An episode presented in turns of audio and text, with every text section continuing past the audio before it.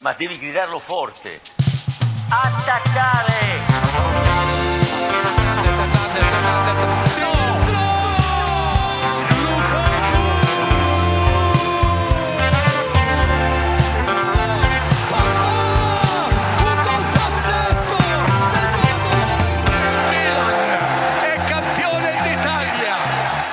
Welkom bij de tweede Open Lo Stadio aflevering van dit voetbalseizoen. Ik ben Willem Haak. Tegenover me zit Wesley Victor Mak. En eh, welkom aan alle vrienden van Friends of Sports en omstreken bij het beluisteren van deze aflevering. Hoe is het, Wes? Goed. We hebben net al een kleine eh, nabeschouwing van het afgelopen speelweekend opgenomen. Voor de vrienden van de show. Voor de vrienden van de show. eh, ja, wil je dat ook horen, kan je lid worden eh, van onze podcast voor 2,50 euro per maand via www.vriendvandeshow.nl slash La Gazzetta dello Stadio. En dan krijg je wel echt bizar veel content. Moeten Deze we, week moeten we drie gewoon eerlijk in zijn. afleveringen. Drie afleveringen deze week. We zijn content makers. normaal. Hoe noem je dat? Content, content producers. Content creators. Content creators tegenwoordig, ja. Eh, maar deze is gewoon open te beluisteren natuurlijk. Eh, gaan we iets anders doen dan jullie van ons gewend zijn, denk ik. Eh, we beschouwen namelijk de maand augustus terug. Nou. En heb ik nou net de link genoemd? www.vriendvandeshow.nl slash La Gazzetta dello Stadio. Volgens mij heb je... Nu al voor de tweede keer, nu is het even klaar. Ehm, maar deze aflevering gaan we even terugblikken blikken op de maand augustus. Veel gebeurd. Dat doen we aan de hand van eh, wat categorieën. Eigenlijk de Lo Stadio Awards, als wij die... We hebben altijd afleveringen gemaakt natuurlijk eind december... om het echt het Mhm. kalenderjaar terug te blikken. eh, of eind van het seizoen om het seizoen terug te blikken. Dat doen we nu eigenlijk gewoon iedere maand. Om toch ook een beetje verschil te maken tussen de, de afleveringen... die we inderdaad dan op het open kanaal zetten bij Friends of Sports. Precies. En de aflevering bij Vriend van de Show... waar we inderdaad in detail eh, wedstrijden nabeschouwen... en echt het, het, wekelijkse bespreken. Ja, die zijn echt voor de, voor de absolute liefhebber. En als je ook nog af en toe Serie A kijkt... dan kan je ook nog even naar deze aflevering luisteren. Als je gewoon wil weten wie er deze maand de grootste teleurstelling was of de grootste verrassing. dan Beste een, eh, speler, wie de mooiste goal heeft gemaakt, wat de mooiste wedstrijd was. Wij zitten in Amsterdam in onze eigen eh, thuisstudio deze week. Met wat shirts eh, om on- ons heen. wat shirts. Wat er hangen er hier 10, 11. Ja, zoiets. Van Juve, van Inter natuurlijk. Van Samp, Fiorentina, Venetia zelfs. Er ontbreekt er alleen één, Wes. Ja, ik zie het. Eh. het valt ook gewoon heel snel op, eigenlijk. Want jij bent Juventino, ik ben Interista. En dat houdt in dat we allebei geen shirt van Milan in huis hebben. Sander Jongman schoof vroeger nog wel eens aan, is Milanista. Eh, heeft misschien nog wel een Milan-shirtje voor ons. Of, of jij als luisteraar denkt, nou ja, er, er mag geen Milan-shirt in de studio ontbreken. Eh, ik heb er nog wel eentje over. Dan moet je maar gewoon sturen. Of een mooie sponsor, zou natuurlijk ook fantastisch zijn. Dan is onze... We zouden graag iets lenen om het, eh, om het wat te verfraaien hier nog. nou, want Completeren eigenlijk het, vooral. is- ik vind het een beetje schandalig dat we geen shirt van de kampioen hier Nee, hebben hangen, niet. eerlijk gezegd. Eh, het is niet zo dat we Milan willen negeren. Maar Wes, ik, ik zeg dat we gewoon gaan beginnen. Tocco dentro, arriva Pedro, Pedro riapre per Luis Alberto! Che gol pazzesco! Al minuto 75, l'asse Pedro, Luis Alberto, i due nuovi arrivati, il fronte spagnolo che porta al 2-1. En dan doen we gelijk met eh, de eerste categorie. Zo net nog even een mooi commentaarstukje van afgelopen weekend. Van de goal van Luis Alberto tegen, eh, tegen Inter. En ik denk dat we ook gewoon eigenlijk met die categorie beginnen. Eh, Misschien een beetje van, van, van Hots... eh, van Van dak. maar dat sluit iets beter aan bij, bij de jingle van net. Want een van de categorieën is het mooiste doelpunt van de maand augustus. En, en ja, voor Ja, mij... jij bent volgens mij gegaan voor Luis Ja, Alberto. precies. Dus dat is Ondanks dat hij tegen jouw clubje scoort. Dat vind ik ook wel knap. is logischer om daarmee te beginnen. Ja, eh, Luis Alberto namens Lazio tegen Inter eh, maakte een fantastische goal afgelopen weekend. Afgelopen vrijdagavond. Waardoor Lazio toch nog wint van, eh, van Inter met 3-1. Stond op dat moment 1-1. Hij komt erin. Is een speler die ehm, op het punt staat, of op het punt stond om te vertrekken bij, bij Lazio naar Sevilla zelfs. Die transfer ging niet door. Waardoor ehm, Maurizio Sarri heeft besloten hem op verlogen op de bank te laten starten. Komt er toch in. Eh, samen met Pedro tegelijkertijd. Op een gegeven moment krijgt Pedro de bal op links, legt hem terug en haalt Luis Alberto fantastisch uit. En er zijn echt wel heel veel mooie goals gemaakt al dit jaar. Eh, maar dit was voor mij qua gevoel, qua sfeer en qua moment en ook qua doelpunt zelf absoluut de mooiste goal van afgelopen maand. Want daar geniet je dan van. Zeker met het juichen ook nog. eh, Ja, het was ook inderdaad wat je zegt, het moment. het was natuurlijk op een gegeven moment in de tweede helft stond 1-1. Inter wat kans, dan heb je toch het gevoel dat Inter er dan ja, aan het langste eind gaat trekken. En eigenlijk ja, zo'n invaller die niet heel erg populair meer was, zeg maar. Of tenminste niet echt meer hoog in de pickorde stond. Dat hij er dan in komt, dat hij gewoon uit een hele... Ja, links voor het doel ongeveer met besluit met rechts buiten te schieten. Vol op de vreed. Ja. Wordt nog even aangeraakt, Maar dat mag, mogen we niet zeggen. Maar Nee. ja, hij vliegt er zo lekker in. En ook gewoon echt keihard die kruising in. en En, juichen. En Ja, Prachtig. prachtig. Ik Dus- snap heel goed dat dat, ondanks dat dit tegen Inter wordt, eh, Precies, werd, want- werd gemaakt, die goal. Snap ik heel goed dat je daarvoor kiest. moeten toch een beetje objectief blijven af en toe. En dan eh, zie je deze goal en dan denk je toch gelijk van... Oh, ik, ik was aan het kijken hier met, met, met Vincent Coppola... met wie we later dit seizoen ook nog een Napoli-special gaan opnemen... en, en die ook eh, volgende maand aanschuift. Want dan ben jij in Italië... eh, omdat je eh, voor de tweede keer gaat trouwen. Afgelopen week voor de eerste keer geweest. Eh, Wel nog met, wel, met, wel met gefeliciteerd. dezelfde vrouw. Wel met, dat is, ja, wel met geen dezelfde- zorgen. twee keer in één maand trouwen met, met, wel met dezelfde vrouw, gelukkig. Ehm, en dan ga ik de, de, de nabeschouwing van de maand september met, met Vincent opnemen. Was met hem aan het kijken en hij zei ook van... Oh, Mamma mia, wat een goal. Ja. Ongelooflijk. dat, en dat was ook zo. En, eh, dus, dus voor mij absoluut doelpunt van de maand. Vandaar dat het ook het commentaarstukje is in de aanloop naar deze categorie. En jij dan? Ja, wat je zegt, heel veel mooie goals. Ik Mhm. zag dat Juriaan van Westen die ging voor eh Berardi. Die scoorde uit een, uit een hoekschop met een soort halve, ja, niet eens een halve volley. Ja, Een hele volley, hele volley. tegen Letje. Ja. Tegen Letje vorige week. Ehm Kvaratskhelia zijn eerste. Ja, absoluut. Echt ja. een Tiragiro in de rechterbovenhoek. Ja, zijn tweede, maar zijn eerste Of tegen... Ja, ja. precies. Zijn eerste tegen Monza was dat, ja. Ja, dat, dat waren prachtige goals. Maar ik ook voor het moment, en ik blijf dan wel zo bij mijn eigen clubje. Mhm. 76 seconden, Dusan Vlaovic, onderkant lat, directe vrije trap. Afgelopen vrijdag Ja, tegen Roma. Zaterdag. Eh, zaterdag was het. Ja, nee, dat was voor mij wel even een, een moment van... Ah, er is echt weer wat kwaliteit bijgekomen bij Juve. Want ik moet... Ja, goed, iedereen weet dat natuurlijk wel als je de laatste seizoen hebt geluisterd. Het is natuurlijk best wel bergafwaarts gegaan bij, Mhm. bij Juventus. En ook gewoon vooral qua ehm, spelers op het veld en kwaliteit die je, die je gewoon wekelijks ziet. En eh, in de eerste wedstrijd van het seizoen... Angel Di Maria aan de aftrap van, van genoten. Scoort ook. Dan weliswaar misschien niet een heel... Ja, ook wel een mooie goal, maar niet worthy of Nou ja, goal van de maand. Maar Daar, daar is nog wat twijfel over of hij bewust zo was. En, en, en hier zie je bij eh Vlaovic dat hij hem absoluut Ja. bewust in dat hoekje neerlegt. En goed, ook de seizoenstart nu van Juve is niet top met, met vijf punten. Eh, vorige, vorige week gelijk gespeeld tegen het hele slechte Sampdoria. Mhm. Toen had Vlaovic bijna geen balcontacten, negen in totaal in 90 minuten. Dus nu dat hij met zijn allereerste balcontact na iets meer dan een minuut zijn vrije trap erin rost. En ook de manier erop. Want ik vind meestal als je schiet onderkant lat, wordt het doelpunt gewoon automatisch Zo twee keer is zo mooi. En het grappige is dat Allegri na de, de, de Juve-trainer... na afloop van die vorige wedstrijd zei... weet je wat het is? Eh Vlaovic hoeft maar één keer de bal aan te raken en te scoren. Dan is het prima. Nou, goed, Nou ja, dat heeft dat hij deed hij. Ja. Ehm, uiteindelijk werd het 1-1 daar bij, eh, bij Juve-Roma. Wel echt een heerlijke goal. Ehm, nou ja, dat, dat, dat, dat is eigenlijk de eerste korte, korte categorie. Ik denk dat we doorgaan naar eh, de volgende. Naar het, naar het beste team.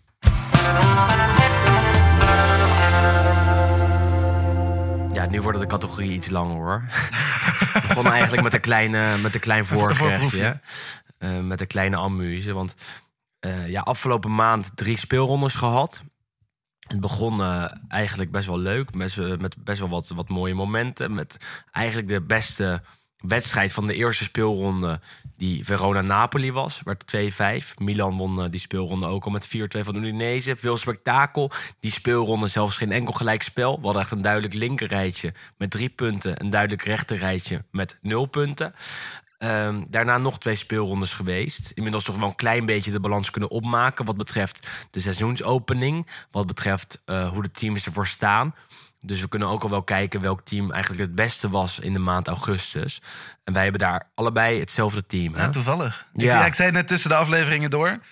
Eh, we hadden natuurlijk de, de categorieën bedacht. En ik zag toen s'avonds gisteravond dat jij dus jouw categorieën op, eh, op Twitter had gezet. Ik had ze niet gelezen en ik dacht, ik vul eerst die van mij in om nog zo neutraal Tuurlijk, objectief ja. mogelijk te blijven. En toen ik hem had getweet, ik keek naar die van jou, toen volgens mij vijf van de acht waren hetzelfde. Dus we proberen nu wel een beetje. Nee, we, we behandelen natuurlijk meer dan alleen de teams die wij opnoemen. Maar ehm, als je objectief bekijkt en als je objectief terugkijkt naar deze maand, dan eh, zijn er eigenlijk twee teams die de beste indruk hebben gemaakt, denk ik. Eh, wij noemen Napoli die dan als beste team van, Ja. van de maand augustus. Maar ook Milan eh, was hartstikke sterk en, en maakte een goede indruk. En liet zien dat ze vorig jaar niet incidenteel kampioen zijn geworden en dat dat geen toeval was. Bij Napoli is de verrassing gewoon wat groter, denk ik. Omdat wij ze natuurlijk niet heel hoog hadden ingeschat. Nee, en omdat, Zoals je precies. weet uit onze voorbeschouwing. Ja, ja, veel spelers daar vertrokken. Vooral natuurlijk ook heel veel boegbeelden daar weg. Ehm, Fabian Ruiz gaat vandaag nog eh, weg naar Paris Saint-Germain. Insigne weg. eh Koulibaly naar Chelsea. Dat zijn echt een aantal Ja, sterkhouders.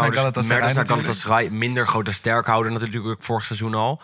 Ehm, maar wel een speler die nog eh, een aantal keer het verschil maakte. Vorig jaar tegen Lazio natuurlijk nog met, met een hat-trick.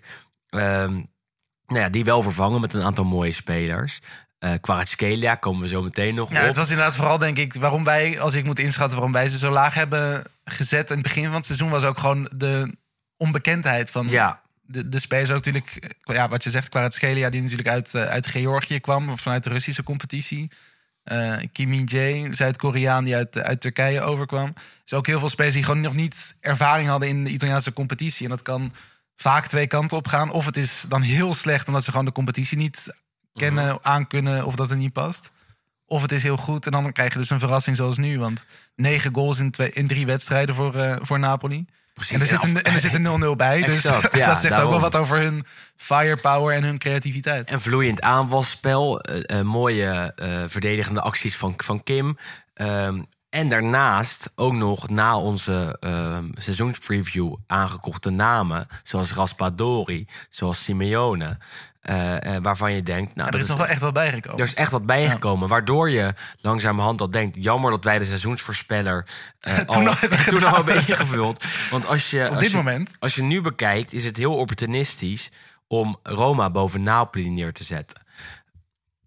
Vind ik, vind ik ja echt. intussen zijn de tables geturned. Een Precies, om, omdat Napoli toch wel een, een hele sterke selectie heeft. Zeker in een aanvallend opzicht een, eh, een heel mooi wagenpark heeft. Ik bedoel, Simeone kan starten, maar Osimhen ook nog steeds. Moet je nagaan dat er straks nog een Maserati bij komt. Want Cristiano Ronaldo is op weg naar Napoli. Nee, dat, dat, dat, dat gaat niet gebeuren. Hè. Ehm, nee, maar er, dus, dus er, er staat gewoon veel variatie in die linies eh, bij, bij Napoli. En zo zie je ook maar weer hoe snel de tendens soort van kan omslaan. Want Ja. ik, wij waren niet de enige die Napoli een beetje shaky in hadden geschat. En Kim maakt een goede indruk. hè? Ja, en het is, eh, het, het is, het is echt heel leuk voetbal ook. En inderdaad ook het feit dat ze nu al zoveel hebben gescoord. eh, maar ook, ja, wat jij zegt, spelers die opvallen die je niet kent, die je leert kennen.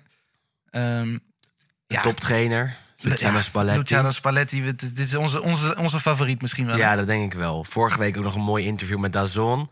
Moet je zeker Over terugkijken. Over de onder andere. shirtjescollectie. Ik bedoel, wij hebben hier wel een aantal mooie shirts hangen. Alleen hij heeft er eh, nog tien keer zoveel. Misschien nog wel twintig keer zoveel. Met eh, officieel gedragen shirts door, door mooie spelers. Hij heeft er een aantal van Totti, De Rossi... eh Battistuta, Boylissen.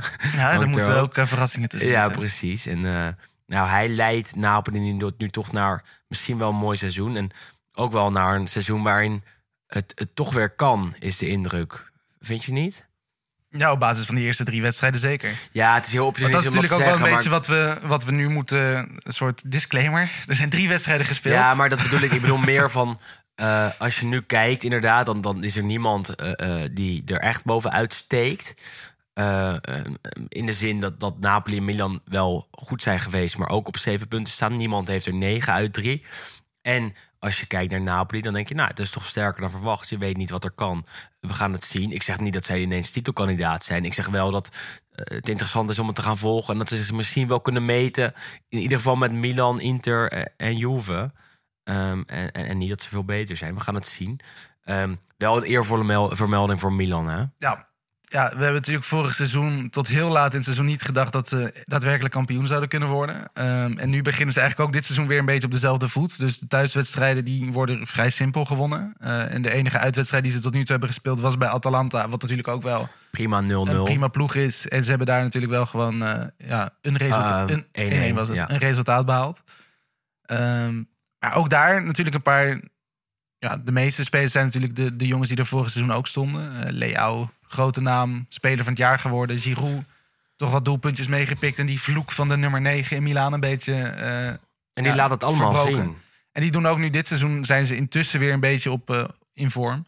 Leao afgelopen eh, weekend voor het eerst eigenlijk. Ja, weer die daarvoor begon, die begon wel heel erg slaperig aan, het, Ja. aan de jaargang. Maar, Maar, maar de- toen weer gelijk een goal en een assist. Dus ja, Ja. Nee, en verder natuurlijk ook een paar leuke spelers die erbij zijn gekomen. Daar met grootste nadruk op, op Charles de Ketelaren. Afgelopen weekend zijn eerste assist. Mocht in de basis starten. ook voor het eerst. Ook voor het eerst. Maakte een hele goede indruk, vond ik. Met zijn dribbles, met zijn paasjes. Zette Kalulu nog een keer vrij voor de keeper. Eh, laat echt zien dat hij de nieuwe, de nieuwe nummer 10 is van Milan. En dat hij absoluut basisspeler wordt daar. En hij wordt nu overal een beetje vergeleken met Marco van Basten. Ja, en met KK. Want hij Ja. staat vandaag volgens mij op de voorpagina van de Gazzetta dello Sport. Waarbij KK eh, wordt genoemd. Kijk, de. Ketelaren. Ja, Klinkt ook wel goed. Zeker, maar ehm, laten we de druk niet nu al zo erg opvoeren, zou ik zeggen. Maar de Eh, vergelijking, ik snap hem wel. ik snap hem ook wel, want je zag Zeker het- met KK. je Met Marco van. Basten is het misschien Ja. iets, iets, iets anders inschat. Omdat wij die ook natuurlijk niet zelf hebben zien spelen. Misschien meer qua persoon. Dat, dat hij eh, iets wat, nou niet verlegen, maar toch wel een, een, een, eh, Ja. een Noord-Europeaan daar eh, is. En, en, en die komt om het verschil te maken. Toch een beetje een introverte jongen wat dat betreft. Ja, zeker in de Maar dat was Marco van. Basten was dat destijds niet. Dus dat wilde ik Ja. eigenlijk ook zeggen. En volgens mij was Marco van Basten destijds niet een introverte jongen, maar juist een hele brutale eh, eh, Nederlander die daar kwam en zei: ik, ik, ik doe het wel. En tegenwoordig is hij wel wat introverter. Ehm, nou ja, Milan dus ook op, op 7 uit 3. Eh, nog wat andere teams waarvan je zou zeggen: Nou, dat is echt wel leuk dat, dat, dat die het goed doen en dat die wat laten zien tot nu toe. Nou, er zijn wel ook een paar verrassingen die ertussen zitten. Ehm, als je kijkt naar de ploegen die nu gedeeld eerste staat, staat Torino daar bijvoorbeeld tussen. De ploeg die we in onze voorbeschouwing hebben gezegd van nou goed, als die directeur en die trainer nog wat vaker tegen elkaar tekeer gaan daar Mhm. op, zo'n, eh, op een parkeerterrein in een uh, Zwitser chaletje. Dan Ja, gaat het niks worden dit seizoen. Hebben een hele goede trainer gewoon natuurlijk. Ja, Ik en bedoel, daar komt het uiteindelijk, dat, dat komt nu terug. En ook de, je ziet ook duidelijk dat de spelers die ze halen, ehm, dat dat ook wel echt op, ja, in samenspraak gaat met de Mhm. trainer. Want eigenlijk iedere speler die er tot, tot nu toe bij is gekomen, past ook gewoon in het team. En die speelt. En die speelt. Radonjic was de e-, eerste en enige aankoop waarom de ruzie toen uiteindelijk ontstond, omdat er verder nog niks was gehaald. Maar dat blijkt een hele goede speler te zijn. Scoorde afgelopen weekend zijn eerste goal voor Torino. Schuurs natuurlijk Ja, inmiddels Schuurs. overgekomen van Ajax. Ook een hele goede, weekend ja, goed gedebuteerd en goed op één wedstrijd. Ja, één Ja. wedstrijd maakt nog, geen, eh, maakt nog geen zomer. Of één Nee. zwaluw maakt nog geen zomer. Maar goed, hij begon heel goed in ieder geval. En hij lijkt ook in het Italiaanse voetbal lijkt hem iets beter te liggen dan in ieder geval het Ajax voetbal. Ja, dat is, dat is wel een van de grotere verrassingen, denk ik. Maar goed, we hebben een categorie verrassing, geloof Nee, ik. hè? ja, oh Toch? ja, exact, ja. Dus die komt nog. Oh nee, die hebben we helemaal Nee, niet. Nou, nee, goed, nee, in nou, dat eh, geval. Precies, nee, dat passen we hierin. Ja. Want ik dacht, anders wordt het wel heel erg eh, van de hak op de tak. Want Salernitana hoort hier ook wel bij, eh, denk ik. Met vier punten uit, vier wedst- of uit drie wedstrijden. Ehm, eh, toch wel een, een, een, een, een- een team waarvan we dachten dat die het niet goed zouden doen. En eh nou, we begonnen met 1 uit 2. Afgelopen weekend ineens 4-0 gewonnen van Sampdoria. En dat is zeker voor Samp eh, heel slecht. Maar ook voor Salernitana hartstikke goed. Want zij winnen zeker niet elke week met 4-0. Ehm, en deden dat echt met hartstikke mooi, leuk, eh, aanvallend en fris voetbal. Verrassingje. Ja, dat is wel een verrassing, zeker. Ja, afgelopen seizoen natuurlijk heel laat in het jaar pas bedacht van nou, misschien moeten we proberen ons te handhaven. Mhm. En natuurlijk uiteindelijk is het gelukt. Wat natuurlijk ook een, een, een voetbalsprookje was. En dan hou je toch een beetje je hart vast van wat er dit jaar dan gaat worden. Want Zeker omdat ze niks deden op de transfermarkt. Dus En een nieuwe gebeurt- technische directeur ja, hebben. Absoluut. En het gebeurt heel vaak natuurlijk dat dan uiteindelijk de, de, de ploeg die dan niet degradeert het jaar daarvoor, dan het jaar daarop dat dan wel doet. Maar, Omdat ze tot een zwak zijn en dat het een wonder maar zijn, één ja, seizoen precies. duurt. Ja. maar goed, voorlopig eh, gaat, het, eh, gaat het goed. En ook daar leuke spelers. Tony Viena was heel goed afgelopen weekend. Eh Erik. Botheim, vriend van eh, Erling Haaland. Ehm, ja, Nee, ja, wel Leuk. wel leuk vind ik om, om dat te zien. Zeker omdat de fans daar ook hartstikke fanatiek zijn. En het Areki altijd heel goed gevuld is. Dan zie ik zo'n team echt wel graag in de Serie A blijven. En eh, ja, dan is het niet voor niets dat ze even worden genoemd bij... in de categorie beste team. Dat zijn ze zeker niet hoor. Maar ja, we moeten wel benadrukken dat ook een degradatiekandidaat hier af en toe genoemd kan Absoluut. worden. Eh, nu was het Napoli, want Napoli maakte de beste indruk. Eh, Wes, door naar de categorie beste speler, zeg ik.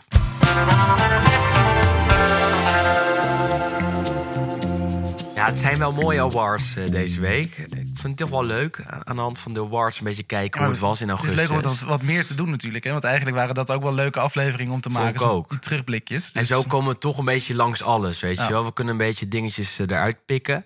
Ja, bij de beste speler eh, is het wel grappig. Want wij doen dus op die Vriend van de Show pagina... elke week een verkiezing van beste speler van, van de week. En ja, het is twee keer dezelfde speler geweest in de eerste twee speelrondes. Dus het kan ook niet anders dan dat die Dat- speler ook, ook de speler van de maand, is. zijn. Precies, want... eh, en omdat die afgelopen weekend ook weer goed was. En het gaat om eh, niemand minder dan... eh, ja, ja, jij mag die naam van me Mag ik het uitspreken. zeggen? Ja, Kvaratskhelia. ja, Linksbuiten van Napoli. van Napoli. Eerste wedstrijd bij Verona, gelijk goed voor een goal en assist. Daarna thuis tegen Monza, fantastische uh, krulgoal, Tiragiro, à la Insigne. Ehm, daarna ook nog een hele mooie actie à la Milito, waarbij hij de verdediging van Monza uitkapt en hem in de verre hoek legt. Ook nog een assist in die wedstrijd. Nee, geen assist meer in de wedstrijd. Staat dat met op, op 3 en 1. Maar ja, dat is toch wel, eh, toch wel lekker. Zeker voor een Georgische spits, Georgische linksvoor moet ik zeggen, in Napels. Die eh, werd bestempeld als een eh, mogelijke YouTube-sensatie door mij in de, in de voorbeschouwingsaflevering. Maar Maar, het is- het is wel meer veel dan meer dat. dan. Het is veel meer dan een, eh, dan een eh, is van Bax. Ik bedoel, hij laat toch zien dat hij eh, dat hij het niveau aan kan en dat hij in de Serie A het verschil kan maken. Want dat deed hij zeker in de eerste twee speelrondes bij, bij Napoli absoluut. En kon hij tegen Fiorentina weer doen, want daar legde hij een bal panklaar op het hoofd van Lozano. Die kopte hem vanaf vijf meter naast. Anders had hij ook zijn tweede assist van het seizoen binnen. Ehm, ja, fantastisch toch wat hij laat zien. Ja, het is, het is ongelooflijk. En, en we hebben natuurlijk net bij Napoli gezegd... veel vervanging natuurlijk was er nodig... omdat er heel veel spelers weggingen. Ehm, en wat we, ja, wat we ook zeiden, natuurlijk onbekende spelers. Want ik kan me voorstellen dat niet iedereen heel erg... Ja, alert de laatste seizoenen de Russische competitie heeft gevolgd. Nee. Want Kvaratskhelia zat bij Rubin Kazan. Toen brak natuurlijk de oorlog uit en is hij teruggegaan naar Georgië... om dan nog even wat wedstrijd, ja, wedstrijdjes te spelen. Mhm. Maar goed, het was wel duidelijk dat hij gewoon een transfer ging maken. Ehm, ja, en Napoli, goed, je, je ziet dan dat hij daarmee aan de, aan de slag gaat. Het was natuurlijk al wel iets langer bekend dat het een speler was die op het lijstje stond. Maar goed, je moet inderdaad toch altijd maar zien hoe, hoe zo'n speler het ook daadwerkelijk gaat doen. Kent natuurlijk de competitie niet. eh, je kent hem natuurlijk ook niet echt heel goed. Was in de voorbereiding wel al goed. Speelde hij toen begon, ook al ja, veel. toen, toen begon hij inderdaad gelijk mee te draaien. En dan zie je wel echt dat hij een heel hoog eh, niveau heeft. En, en zeker het feit, als je dat dan combineert met dat hij uit Georgië komt... dat natuurlijk niet echt een land is waar heel veel grote sterren vandaan zijn gekomen. En Zo dan is het. is dat heel mooi dat je nu zo'n jongen van 21 eigenlijk op zo'n hoog niveau het zo goed ziet doen. Want hij is echt bij far denk ik de eerste speler die je noemt als je nu zegt wie is speler... eh Quaradonna wordt hij al genoemd. Eh, in Napels en omstreken en ook dus door ons. Ehm, en dat is natuurlijk hartstikke overdreven, maar uh, Kvaratskhelia laat het wel absoluut zien. En eh, als je nu al na drie wedstrijden in het shirt van Napoli Quaradonna wordt genoemd, Dat is wel een goede liefkozend, dan heb je, het, eh, heb je het goed voor elkaar. Ehm, niet voor niets dat wij hem allebei als, eh, als beste speler hebben. Eh, toch? Je hebt hem ook als Ja, absoluut. Ja, goed, ja, je kan, er niet omheen. anders. Ja, er zijn eigenlijk niet. Ik moet wel zeggen, het is voorlopig natuurlijk. Bij het beste team net hebben we natuurlijk gezegd: geen enkele ploeg staat op negen punten. Nog geen enkele ploeg steekt er nou echt heel erg bovenuit. Nee, Het is nog relatief allemaal een beetje op hetzelfde, op hetzelfde niveau, gevoelsmatig. En ook qua spelers. Ja, Kvaratskhelia is wel echt de enige die heel erg is opgevallen. Eh, er zijn natuurlijk andere spelers die ook wel goed, goed hebben gespeeld. ik Maar vind Lautaro Martinez van Inter ook heel die scherp. is wel scherper inderdaad. Ja, scherper dan Ja. de afgelopen jaren. Maakt ook een goede indruk. Eh, even kijken of hij die lijn kan doortrekken. Verdient ook zeker een eervolle vermelding in deze categorie. Savic is natuurlijk ook goed begonnen aan het seizoen. Bij, bij centrale verdedigers eh, zie, je nog, eh, zie je dat ze heel goed zijn en dat ze een goede indruk maken. Maar vind ik het moeilijker om na drie wedstrijden te zeggen dat zij een speler van de maand zijn. Vorig jaar heb je een paar maanden nodig gehad om te zien hoe goed Kalulu en Tomori wel samen met elkaar speelden. En om te zeggen, Tomori is misschien wel de beste speler van de Serie A van afgelopen jaar geweest. Eh, dat kan je na drie wedstrijden nog niet echt zeggen. Of, of heb ik dat dan mis? Ja, goed, kijk, bij aanvallers is het makkelijk. Je kijkt naar de cijfers. Precies, en dan die mooie acties. ja. En, en bij, bij verdedigers is het toch moeilijker om nu al te zien dat ze het eh, verschil maken. Of hebben gemaakt in de eerste speelrondes. Zeker omdat elk team toch wel al eh, een tegendoelpunt heeft gehad. Ehm, ja, voor de rest bij, bij, bij Atalanta nog wel wat namen die, die, die het leuk hebben Ja, gedaan. wat TK7 weer noemen zeker. Teun Koopmeiners. Eh, Roma, nog niemand gehad die, die, die uitgesproken goed was. Ehm, Dus, dus van, vandaar dat Kvaratskhelia eigenlijk ook door al onze luisteraars is eh, benoemd als beste speler van de maand. Want voor de rest nog geen, eh, nog geen echte revelatie of nog geen echte sterspeler gehad. Dat, dat gaan we nog komende maand zeker in de gaten houden. Dan is de terugblik trouwens al op 20 september geloof ik, want dan zijn er interlands. En de interlands behandelen we apart waarschijnlijk of nog even kort. Eh, maar de terugblik op de Serie A verschijnt dus dan al aan het eind van de Serie A maand. En dat is wat eerder dan de kalendermaand. Ehm best, we gaan door naar de volgende categorie. En dat is eh, de mooiste wedstrijd. Want eh, er zijn er al zeker wat, wat geweest.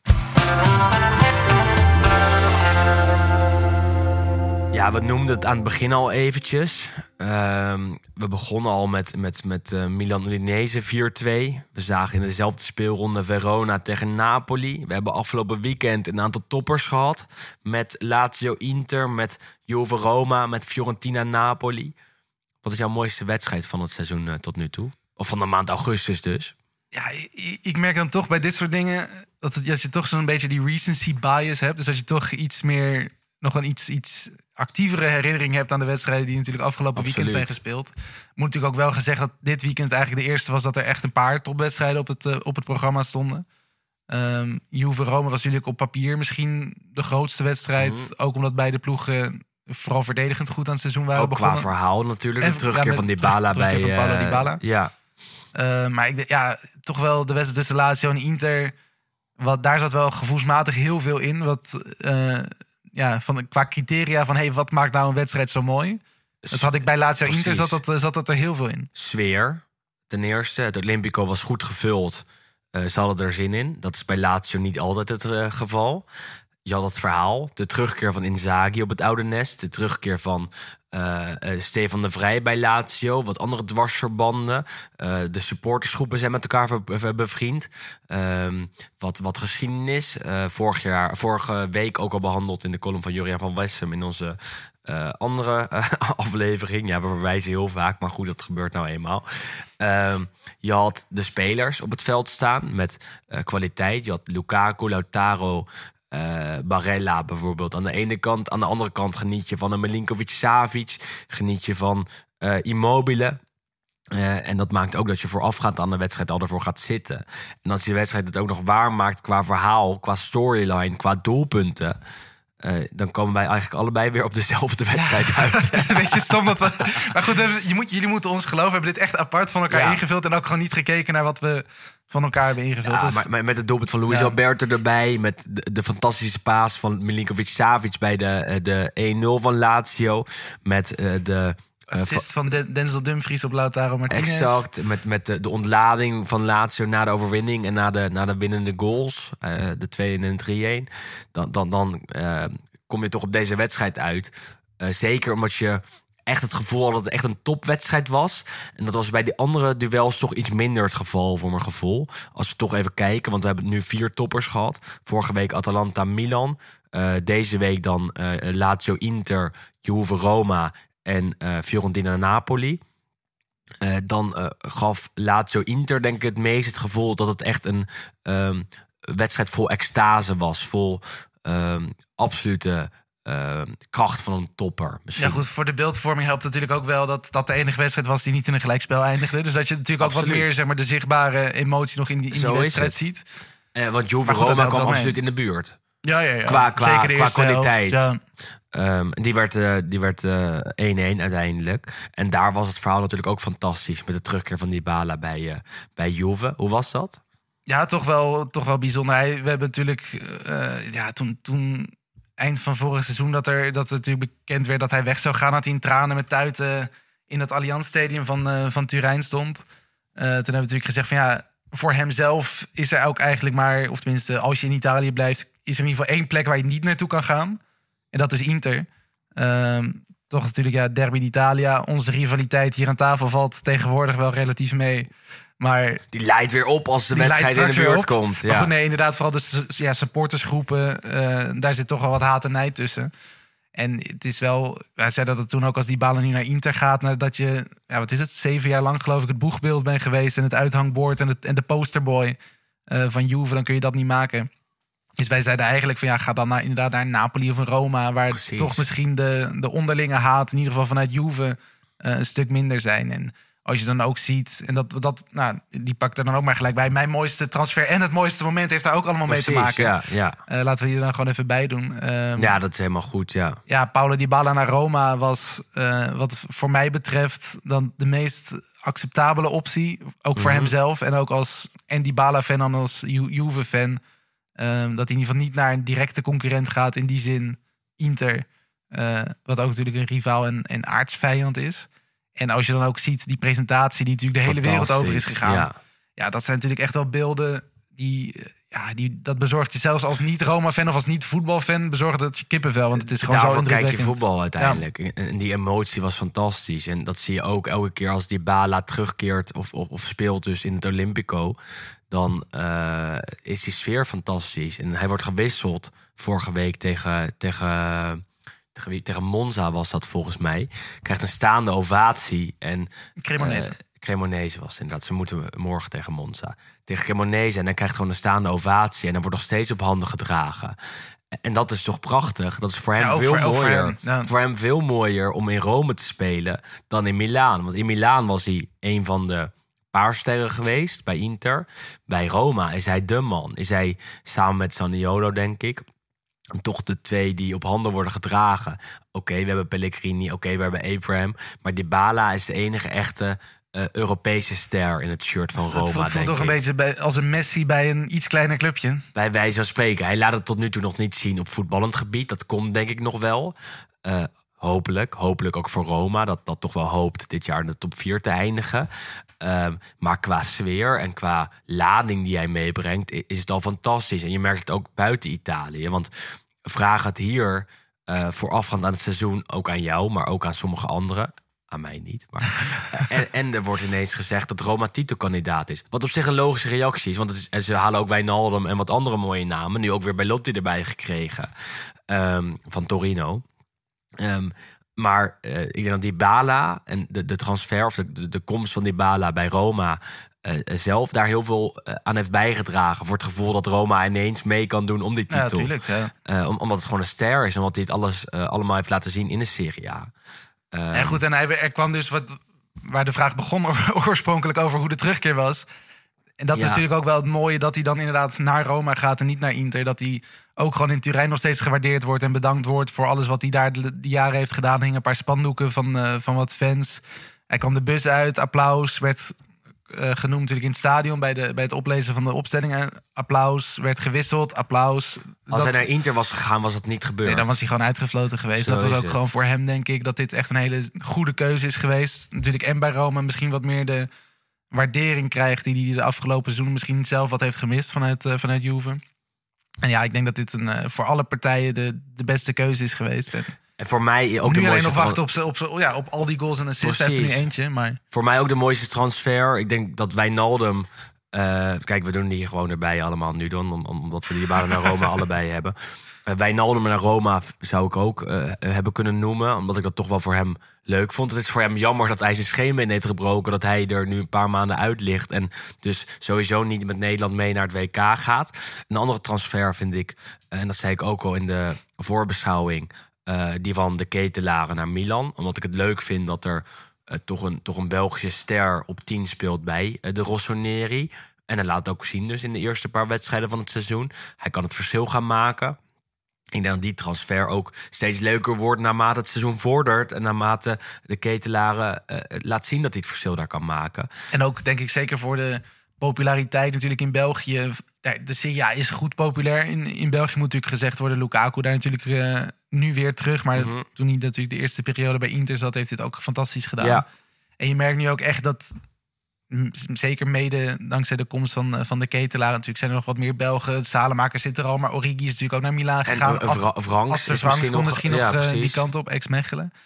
Ehm, je merkt ook echt wel dat in België nu de, de adoratie weer voor de Serie A weer een beetje begint op te, op te bloeien. Gisteravond bij Extra Time in, eh, op de Belgische televisie Filip Joos nog met een mooie analyse van Charles de Ketelaar. We moeten Filip Joos nog een Ja. keer vragen om mee op te nemen. Want dat, dat moet fantastisch zijn, denk ik. Dat moet lukken. Toch? Dat moet Ja, lukken. via Sam. Tuurlijk. Sam Kerkhoffs. Komt helemaal Dan, goed. dan, dan Ja, ben, ik, kijk, eh, ja, ben ik drie uur aan het luisteren hoor, kan ik je We vertellen. maken ook gewoon een aflevering van drie uur. ja, is toch prima? precies. Ja, goed, maar kijk, en dat is gewoon mooi. En, en het, we hebben natuurlijk in Nederland heel eventjes gehad dat de Serie A ook natuurlijk met de komst toen van Matthijs de Ligt onder meer dat dat hier wat hoger werd aangeschreven. Maar je ziet nu ehm, ja, dat dat in België dat diezelfde vibe daar is. En het is, het is heel mooi, zeker nu Charlie de Ketelaar afgelopen weekend voor het eerst in de basis, eerste assist. Het begint nu allemaal inderdaad een klein beetje zo vorm te krijgen. En het is mooi dat daar dan ook internationaal aandacht voor komt. Enorm, ja. Gisteren ook bij Rondo op Ziggo Sport. eh, daar zat Alfred Scheuder, de ex-trainer van Club Brugge, nu van Ajax natuurlijk. En die had het ook over de, de ketelaren. Dat die een speler is die zeker bij Milan het eh, verschil kan gaan maken. En dat hij zeker op een hoog niveau kan gaan meedraaien. En hij dacht dat het misschien zelfs op een hoger niveau dan Milan had gekund. Ja, goed, dat kan Ehm, nog. Hij is, hij is heel nog. jong. Hij is heel jong en ik, ik vind het eigenlijk ook al heel goed. Ehm, Maar ik, ik ben er wel enthousiast over. misschien ooit. Mi- eh, Minder enthousiast nog over Lukaku bij Inter, maar dat komt nog wel. Ligt er nu ook een paar weken uit. Gaat ook de derby eh, tegen Milan missen, waarschijnlijk van aankomende zaterdag. Ook eh, de eerste Champions League wedstrijd van Inter tegen Bayern van aankomende week is in gevaar.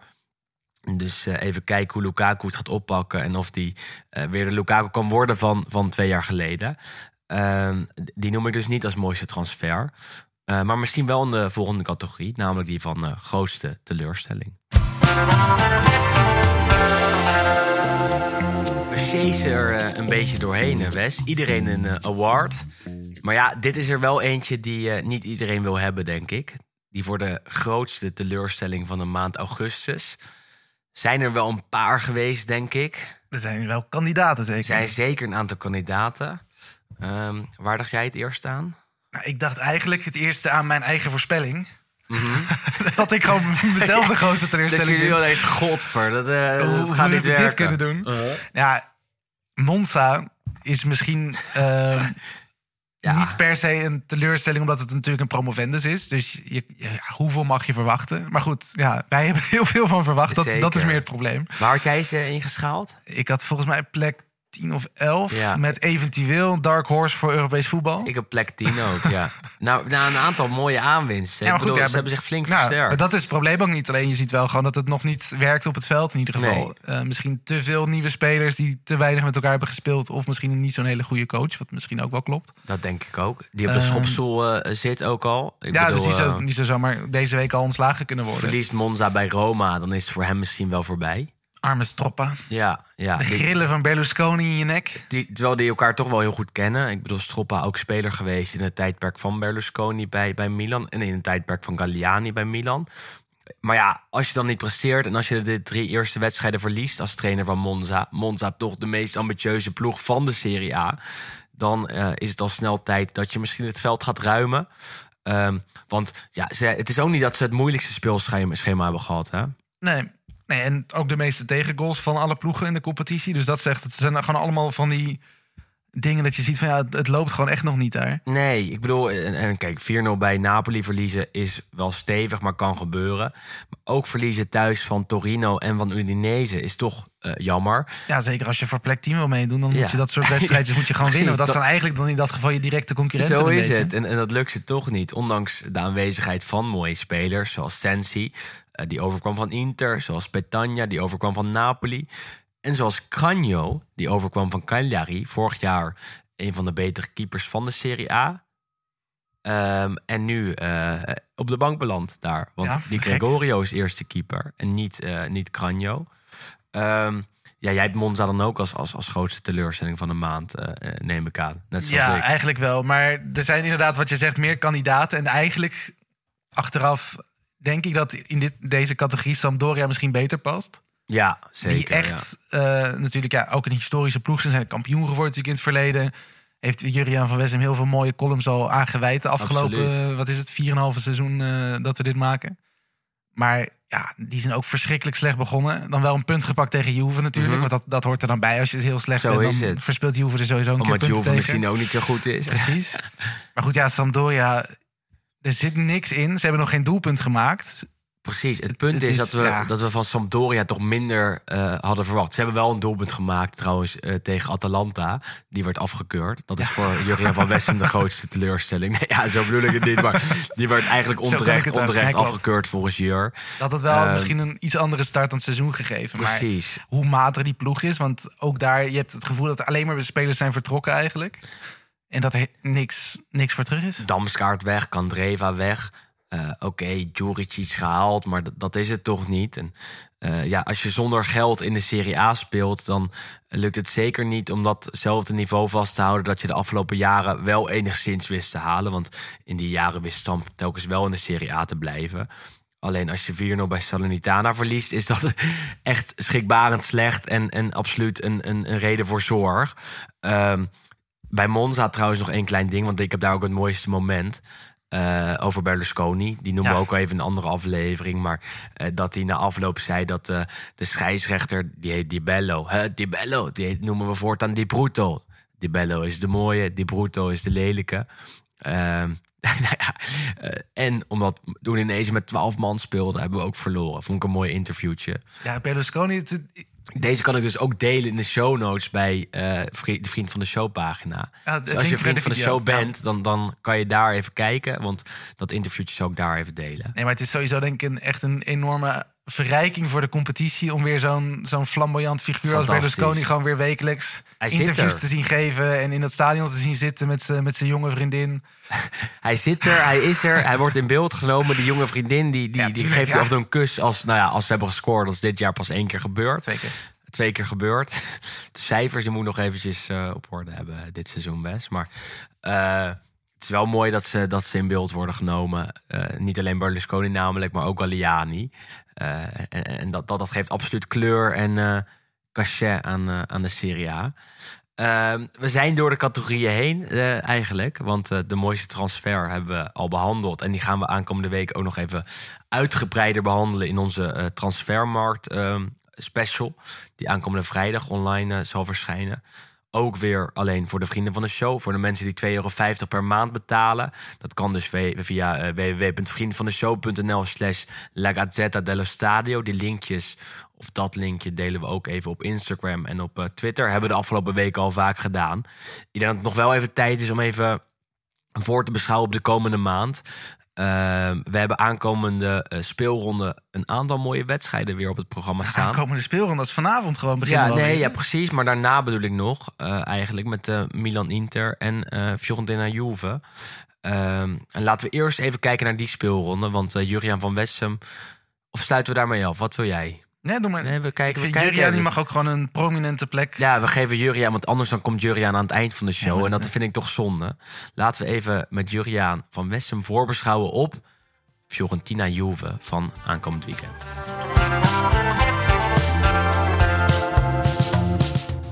Komend weekend staat niet alleen in het teken van de Derby della Madonnina, maar zeker ook in het teken van Fiorentina Juventus. Dat is altijd wel een beladen wedstrijd, omdat er in de Toscaanse hoofdstad een zeldzame antipathie voor de oude dame heeft bestaan sinds de jaren 50. En daarom leeft die wedstrijd in Florence als een soort derby. En is het eigenlijk de wedstrijd van het jaar.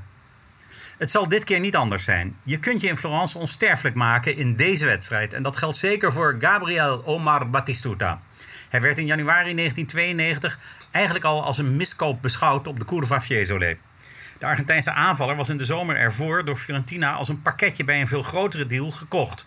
Namelijk die van Diego Latorre, op dat moment de spelmaker van Boca Juniors. Batistuta viel de scouts van Fiorentina opeens op tijdens de Copa America van 1991 in Chili. Die werd gewonnen door Argentinië. En daarom kocht de Paarse club beide Argentijnen van Boca. Een package deal dus, met Batistuta als bijvangst. Fiorentina had in die jaren weinig geluk met Argentijnse spitsen nadat het afstand moest doen van Ramon Diaz. Oscar Derticia ontspoorde aan de Arno zodanig dat zelfs al zijn haren uitvielen uit frustratie en van de stress. Later zou hij als kale spits nog een held worden bij Tenerife en dus ook weer de weg naar het doel makkelijk vinden. Maar in Florence lukte hem bijna niks en daarom bleef het maar bij één seizoen voor hem. Batistuta werd zijn opvolger, maar ook hij maakte in het eerste half jaar nauwelijks waar waarom hij een potentiële topscorer zou zijn. En toen stond hij tegen Juventus op 26 januari 1992 zowaar in de basis. En na negen minuten wist heel Florence opeens dat hij ook kon scoren. Na knullig balverlies van Julio Cesar wist Batistuta met een kopbal het doel te treffen op een voorzet van Carobi. En dat gebeurde allemaal onder de Curva Fiesole, waar hij zich liet bejubelen. De vroege voorsprong van Fiorentina bracht Juventus uit het evenwicht. Roberto Baggio lag aan de ketting en uiteindelijk hield de thuisploeg de voorsprong vast. Het werd in de laatste minuut zelfs 2-0 door een doelpunt van invaller Marco Branca. Na afloop werd Batistuta gevierd als de matchwinnaar en opeens was hij een held. Een week later was hij los, want hij scoorde twee keer in de uitwedstrijd bij Genoa. En weer een week later maakte hij drie goals bij Foggia. Opeens kon Fiorentina niet meer om hem heen. En was hij het idool van de stad. Het fenomeen Battigol was geboren. Hij maakte uiteindelijk 13 goals in zijn debuutjaar. In het volgende seizoen scoorde hij zelfs 16 keer. Maar Fiorentina zou na een geweldig begin van het seizoen als gevolg van een spectaculaire vrije val vanaf de tweede plaats degraderen.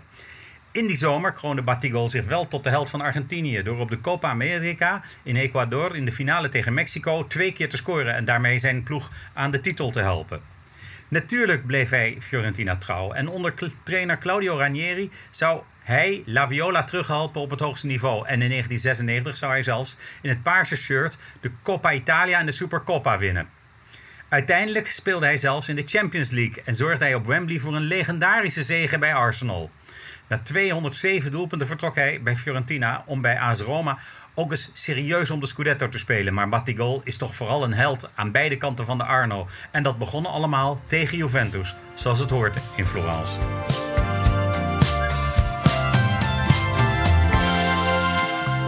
Zoals jij al zei, eerst een midweekse speelronde. Met eh, Sassuolo Milan, Inter Cremonese, eh Juve Spezia, Atalanta Torino. Wat minder aantrekkelijke potjes.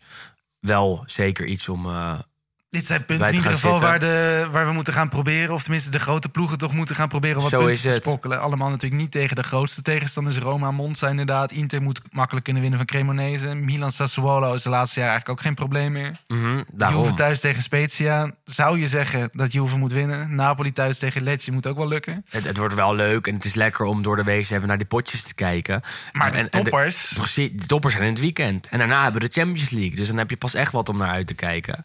Want dit weekend zaterdag inderdaad, ja, Julian zegt het Fiorentina-Juve altijd Met vol historie. zwaar beladen duel. Dit keer geen Batistuta op het veld, maar oké. eh, Wel een paar andere prima spitsen. Wel een paar andere prima spitsen en mooie namen. Jovic aan de kant van Fiorentina. Vlaovic aan de kant van Juve. Het Servische onderrondje is dat. Hebben we om eh, drie uur die wedstrijd. Om zes uur Milan-Inter. De derby della Madonnina. Ik ben er niet bij helaas. Nou, dat is ook voor het eerst een... eh, Ja, ik ben vrijdag jarig. En eh, dan heb ik een klein feestje. En ik dacht of ik ga kiezen voor het feestje of ik ga naar, eh naar Milaan. Verjaardag ik had ook vroeg kunnen worden. opstaan, maar dan is het toch minder leuk. Dus ik Je gaat ga- gewoon met een kater op de bank. op de bank liggen. De hele, de hele dag De voetbal hele kijken. dag, want om drie uur dus Fiorentina Juve, dan om zes uur Milan Inter en om kwart voor negen Lazio Napoli. Ja, dat Dan is, wel een, eh, een super Saturday eigenlijk. Dan toch? is je, is je dag wel gevuld. En ja, de komende maand hebben we sowieso nog wel wat leuke potjes. Ik bedoel, eh, na de speelronde van, eh, van aankomend weekend hebben we daarna Sampdoria Milan bijvoorbeeld.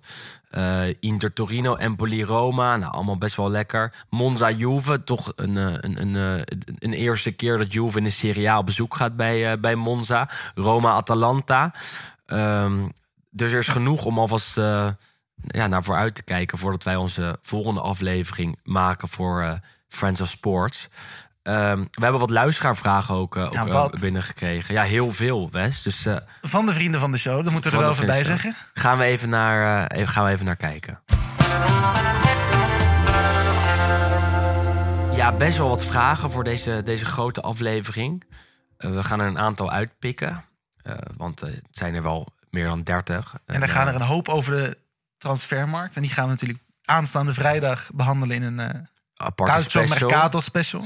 Hey, maar wel wat, eh, wat wel leuk is om nu al even te behandelen is eh, Como. Como team uit de Serie B heeft eh Fabregas al gehaald eerder deze maand. Nu ook Coutrone eh, daar getekend. Wel leuk. Hoe kan dat? Ja, rijke eigenaars. Dat Mhm. helpt altijd. Er zit volgens mij... ik zag laatst... Vraagt Jasper Broekhuis trouwens. Ik zag laatst zag ik een, een, een graphic voorbij komen. Volgens mij met de, het, de net worth van de, van de eigenaars. En volgens mij is die van de eigenaars van Como gewoon twintig keer zo hoog als alle andere Italiaanse of de eigenaars van Italiaanse clubs. Dus daar zit heel veel geld achter. En blijkbaar dus ook een heel ambitieus project. Want Fabregas is dus niet alleen aangekondigd als sterspeler. Mhm. Maar heeft ook aandelen gekocht. De zaakwaarnemer heeft aandelen gekocht. Gisteren Titi Henry Fantastisch. ook aandelen gekocht. Dus, was aanwezig in het stadion en toen viel het licht uit. ja, ja, gisteravond was ook leuk. Was ook eh, een mooi spreekhoor eh, dat de, de, de eigenaar maar zijn rekeningen moet, Presidente moet corrente. Ja, fantastisch toch? Ja, goed. En dat. eh, Kijk, het is natuurlijk in, in Nederland, de Serie B is helemaal nergens te zien natuurlijk. Sowieso is het natuurlijk een, een competitie die niet veel gevolgd wordt. Maar als je nu ook ziet wat er deze transferzomer allemaal weer is gebeurd... en welke spelers daar eigenlijk rondlopen. Want je hebt nog steeds Gigi Buffon, Mhm. 44 jaar. Wekelijks keept hij nog steeds de sterren van de hemel bij, eh, bij Parma.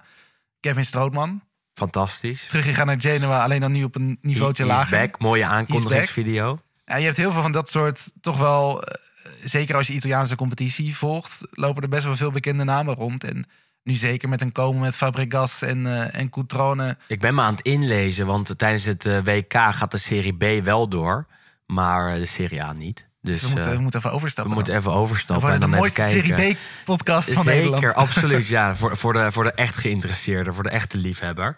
Hey, eh, Jarno de Jong, ook een vaste luisteraar, die vraagt... eh, het team van Hellas Verona is helemaal leeggekocht in de transferperiode. Moeten zij niet eh, gaan vrezen voor, voor degradatie? Want het gaat niet echt goed daar.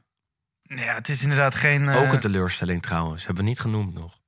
Ja, maar goed, maar dat, daar, dat hangt natuurlijk wel samen met het feit dat iedereen is weggekocht. Ja. En, en Trainer vertrokken ook. trainer vertrokken. Maar ik moet zeggen, die Gabriele Cioffi, want dat is nu de nieuwe trainer... die heeft het vorige seizoen bij Udinese eigenlijk opvallend goed gedaan. Hij heeft echt leuk voetbal ingekregen. En je ziet nu toch ook wel zeker... eh, tegen wie speelden ze dit weekend? Moet jij me even helpen. Even tegen, kijken. eh, Ik heb Atalanta. doorgespeeld. Tegen Atalanta hebben ze echt wel een leuke, een goede wedstrijd gespeeld. Want het was nou niet alsof Atalanta pff, nu met twee vingers in de neus, zoals we Atalanta natuurlijk ook Nee, wel eens hebben zien is spelen, daar heeft gewonnen. En Met 0-1 uiteindelijk. Teun Koopmeiners. Maar je ziet wel dat er wat kwaliteit is ingeboet natuurlijk. Zeker nu natuurlijk ook Barak nog is, eh, is vertrokken, Simeone is weg. Eh, maar je hebt met, zeker met Ilic, wat een van de grotere namen daar is. eh Tamees die het goed doet. Er zijn nog wel wat namen over die ervoor gaan zorgen dat Verona niet gaat degraderen, denk ik. En wat je zegt, Choffi is een uitstekende trainer. Het is ook moeilijk om, om een team naar je hand te zetten op het moment dat elke speler die heel veel kwaliteit heeft bijna vertrekt. Ehm, ik bedoel de echte sterspelers in dat geval. Maar ik denk niet dat die gaan degraderen. Dat denk ik al ook niet. heel veel slechtere ploegen gezien ook. En een mooi bruggetje, want Flip die vraagt, is Fiorentina-fan... hoeveel gaat Barak, die dus van Verona naar Fiorentina ging toevoegen aan La Viola? Aan Ja. Fiorentina. Wat mij betreft best wel veel. Hij heeft Denk afgelopen seizoen als middenvelder elf keer gescoord, geloof ik. Ehm, ja, dat zijn wel aantallen. Gewoon alleen op basis daarvan zou je al zeggen van dat, dat is voor iedere ploeg een, een toevoeging. Mooie, sierlijke speler vind ik dat. Die geen beschermers heel laag, Ja. die sokken dus ook. Eh, scoorde ook al bijna tegen, ehm eh, jeetje, het, eh, tegen Napoli afgelopen zondag. Met een mooie kapbeweging naar binnen, scho- schoof hem net naast met links.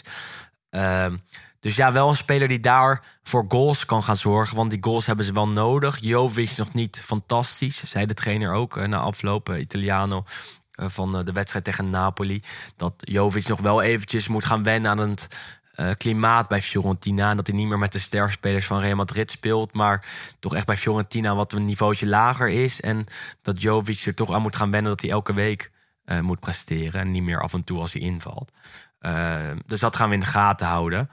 Ehm, ja, eens even kijken.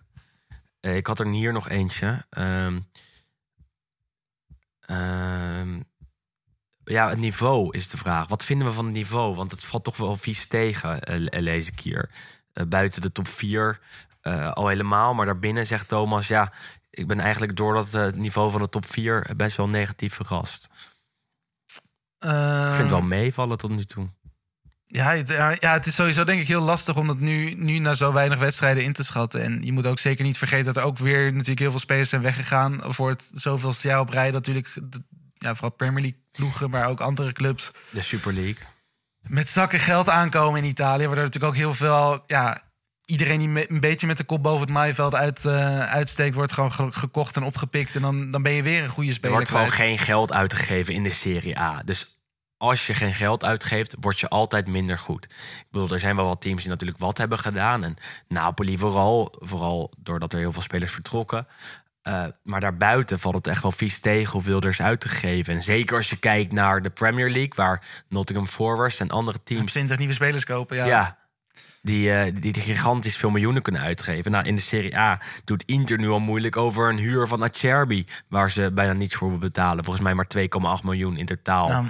Eh, dus dat is een groot verschil. En dan zul je altijd zien dat het niveau van de Serie A als topcompetitie steeds minder eh, groot wordt. Of steeds minder is, hoog dat, dat is gewoon jammer. En ik kan me best wel voorstellen dat als je dus inderdaad via Viaplay naar de Premier League zit te kijken... en je ziet er echt de grootste namen met van Haaland Tuurlijk. tot eh, de, de Bruyne... Tot, tot die gasten van Liverpool die er negen inschieten. Ja, ik kan me dan best voorstellen dat als je dan Ik daarna ook. Sampdoria Het is tegen... een andere sport. Het is een ja, andere dat is sport. een andere sport op deze manier. Maar wij hebben de verhalen en wij hebben de, de, de Italiaanse schoonheid eromheen. En dat hebben ze in Engeland niet. En dat, is denk ik, Ehm. dat, dat maakt voor mij ook gewoon de competitie zo mooi. Niet per se het voetbal. Nee, Of maar wat er op het veld gebeurt, maar gewoon alles daar, daaromheen inderdaad. Gewoon de, De de Berlusconi-verhalen. Berlusconi, sowieso alle, alle gekke dingen die, natuurlijk, die je meekrijgt in de media... en die ook in de media worden uitgelicht. Ja, dat zijn gewoon natuurlijk dingen die je, die je eigenlijk bijna nergens anders vindt. Zoveel smeuigheid, zoveel Daarom. geruchten, zoveel lelijkheid natuurlijk ook. Ehm, En daarom zijn wij er ook elke maand. Elke maand bij Friends of Sports. een perfecte samenvatting van waarom wij bestaan... en waarom wij moeten blijven bestaan. En waarom wij elke maand verschijnen bij Friends of Sports. En elke week, en soms zelfs vaker per week, bij eh, de mensen, eh, voor de mensen van de. voor, de, vrienden, van de show, ja. Ja. op onze Vriend van de Show pagina. Ehm, je merkt wel na twee podcastjes opnemen dat het einde van het Latijn op Ja, een gegeven moment bereikt is. En gelukkig doen we de derde, doen we dus eh, aanstaande vrijdag. Zeker, de Mercato Special. Wil je die ook horen? En we hebben deze aflevering echt al wel vaak genoemd. Maar oké, dat doen we nog één keertje. Volg- eh, volgende keer zullen we het eh, iets minder vaak noemen. Ehm, wil je alles van ons horen? Kan het via www.vriendvandeshow.nl slash La Gazzetta dello Stadio. Daar hoor je Juriaan van Wessem elke week. Daar hoor je Wesley Victor Mak elke week. Daar hoor je mij elke week. Daar proberen we dingen eromheen eh, te doen. Daar hebben we een polletje voor de speler van de week. Je kunt je dus- vragen insturen. Je kunt echt Precies. meedenken aan de aflevering. Als hoe je hem echt letterlijk van minuut tot minuut zou willen indelen. Zo is het. En als we een keer in Italië zijn, zullen daar ook vast dingen eh, op eh, verschijnen. Dus in die zin krijg je echt hartstikke veel content om de podcast heen op de Vriend van de Show pagina. Die linkjes delen we ook op Instagram en op Twitter. Doen we hartstikke vaak. Dus eh, weet ons daar te vinden. Eh, nog één keer de link. Dat is namelijk www.vriendvandeshow.nl slash La Gazzetta dello Stadio. En eh, ja, wij horen en zien en ehm, ja, beleven jullie over een maand graag weer terug. Dat zal rond de 20 september zijn. Dan is Wesley Victor Mak hier tegenover me, is in Italië. Want die gaat dan trouwen voor de tweede keer. Dan in Italië. Eh, en dan officieus. Officieel is het vorige week al Precies, eh, gebeurd. Ehm, ik ben er wel met Vincent Coppola. Waarbij we gaan eh, terugblikken op de maand eh, september. En eh, tot dan, zeg ik. Tot dan. Tot de volgende. Nee, jij niet tot dan dus. Ja, snapt wat ik bedoel. Oh, en dat Milan shirt mag nog deze en de kant op, hè? Milan shirt nog deze.